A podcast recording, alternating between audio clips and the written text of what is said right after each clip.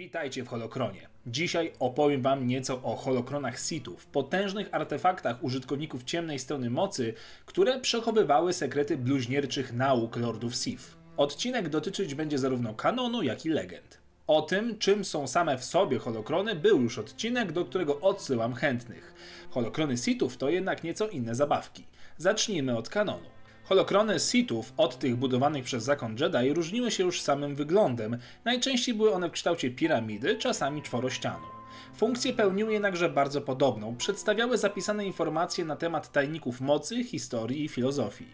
Jedi uważali te artefakty za najniebezpieczniejsze narzędzia Sithów w galaktyce, głównie dlatego, że potrafiły łatwo spaczyć naiwne umysły, gdy holokron dostał się w niepowołane ręce, ale na tyle zdolne, by go otworzyć i użyć. A teraz krótka przerwa na reklamę. Dajcie zarobić. Czy wiecie, która gra jest jedną z najlepszych gier mobilnych RPG? To Raid Shadow Legends. Poznaj magiczny i mroczny świat fantazy z masą unikalnych bohaterów oraz wrogów do pokonania. Upgrade'uj przedmioty, wbijaj levele i walcz z bossami. Handluj, odwiedzaj nowe krainy i bierz udział w codziennych wyzwaniach. Zapisz się do klanu albo zmierz się z serią bossów, co tylko chcesz. Intuicyjny system rozwoju postaci bez problemu pozwoli Ci szybko wejść w świat gry. Chcesz zagrać ze mną albo zapisać się do mojego klanu? Szukaj mnie w grze pod nickiem Daka. Więc na co czekacie? Skorzystajcie z linku w opisie pod odcinkiem i dostaniecie na starcie 50 tysięcy sztuk srebra oraz epickiego darmowego czempiona jako część programu dla nowych graczy, żeby troszeczkę było łatwiej. Gra jest dostępna zarówno na Androidzie, jak i iOSie, także nie czekajcie, ściągajcie, ja Wam bardzo polecam. A teraz wracamy do holokronu.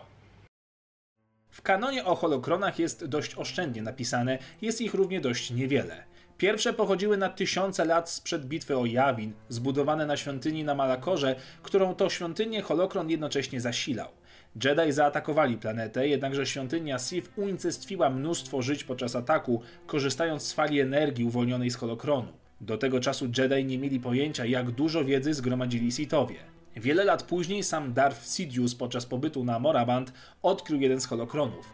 Przeniósł go na Korsent, gdzie zasilił jego kolekcję artefaktów sitańskich mistrzów. W kanonie kolejny raz natrafiamy na holokron podczas poznawania przygód Ezy Bridgera serialu Rebelianci.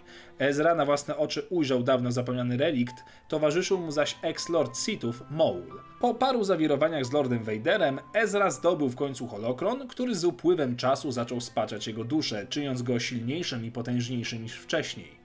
Kanan ostatecznie odebrał holokron uczniowi i przekazał go Bendu, który zaopiekował się niebezpiecznym przedmiotem. Nie przybywał u niego jednak zbyt długo, gdyż powrócił po niego Maul. Ostatecznie w wyniku potyczki holokron został rozerwany na części. W kanonie najpewniej pojawi się jeszcze więcej tych przedmiotów, póki co jednak historia dotyczy tylko tego jednego. Ale od czego mamy legendy? Tam holokron Sithów prezentuje się nieco inaczej. Również w kształcie piramidy, pokryty runami i inkantacjami, skrywał w środku czarny kryształ, który zasilał urządzenie i przechowywał zgromadzoną wiedzę. Sam holokron emanował w mocy swoją obecnością, każdy użytkownik mocy mógł go wyczuć, szczególnie podczas jego używania. Aby Jedi otworzył holokron, wymagane były od niego wielkie pokłady cierpliwości, umiejętności i doświadczenia. Niektórzy mistrzowie czasami korzystali z holokronu Sithów, by lepiej zrozumieć filozofię wroga lub by poznać jakąś historię. Holokron posiadał podobnie jak urządzenia Jedi system poznawczy pierwotnego właściciela i pokazywał jego projekcję w formie hologramu, z którym można było prowadzić dyskusje i prosić o konkretne informacje.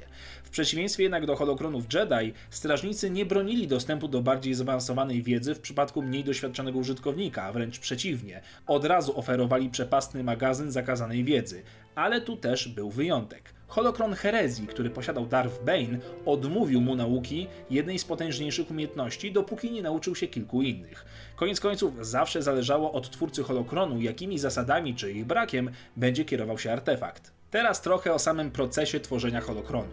Sztuka ta jest, jak można się domyśleć, bardzo trudna.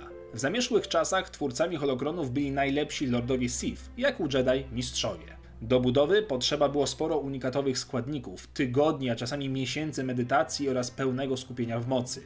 Do czasów czystki Jedi zdecydowana większość informacji o tym, jak budować holokrony, przepadła.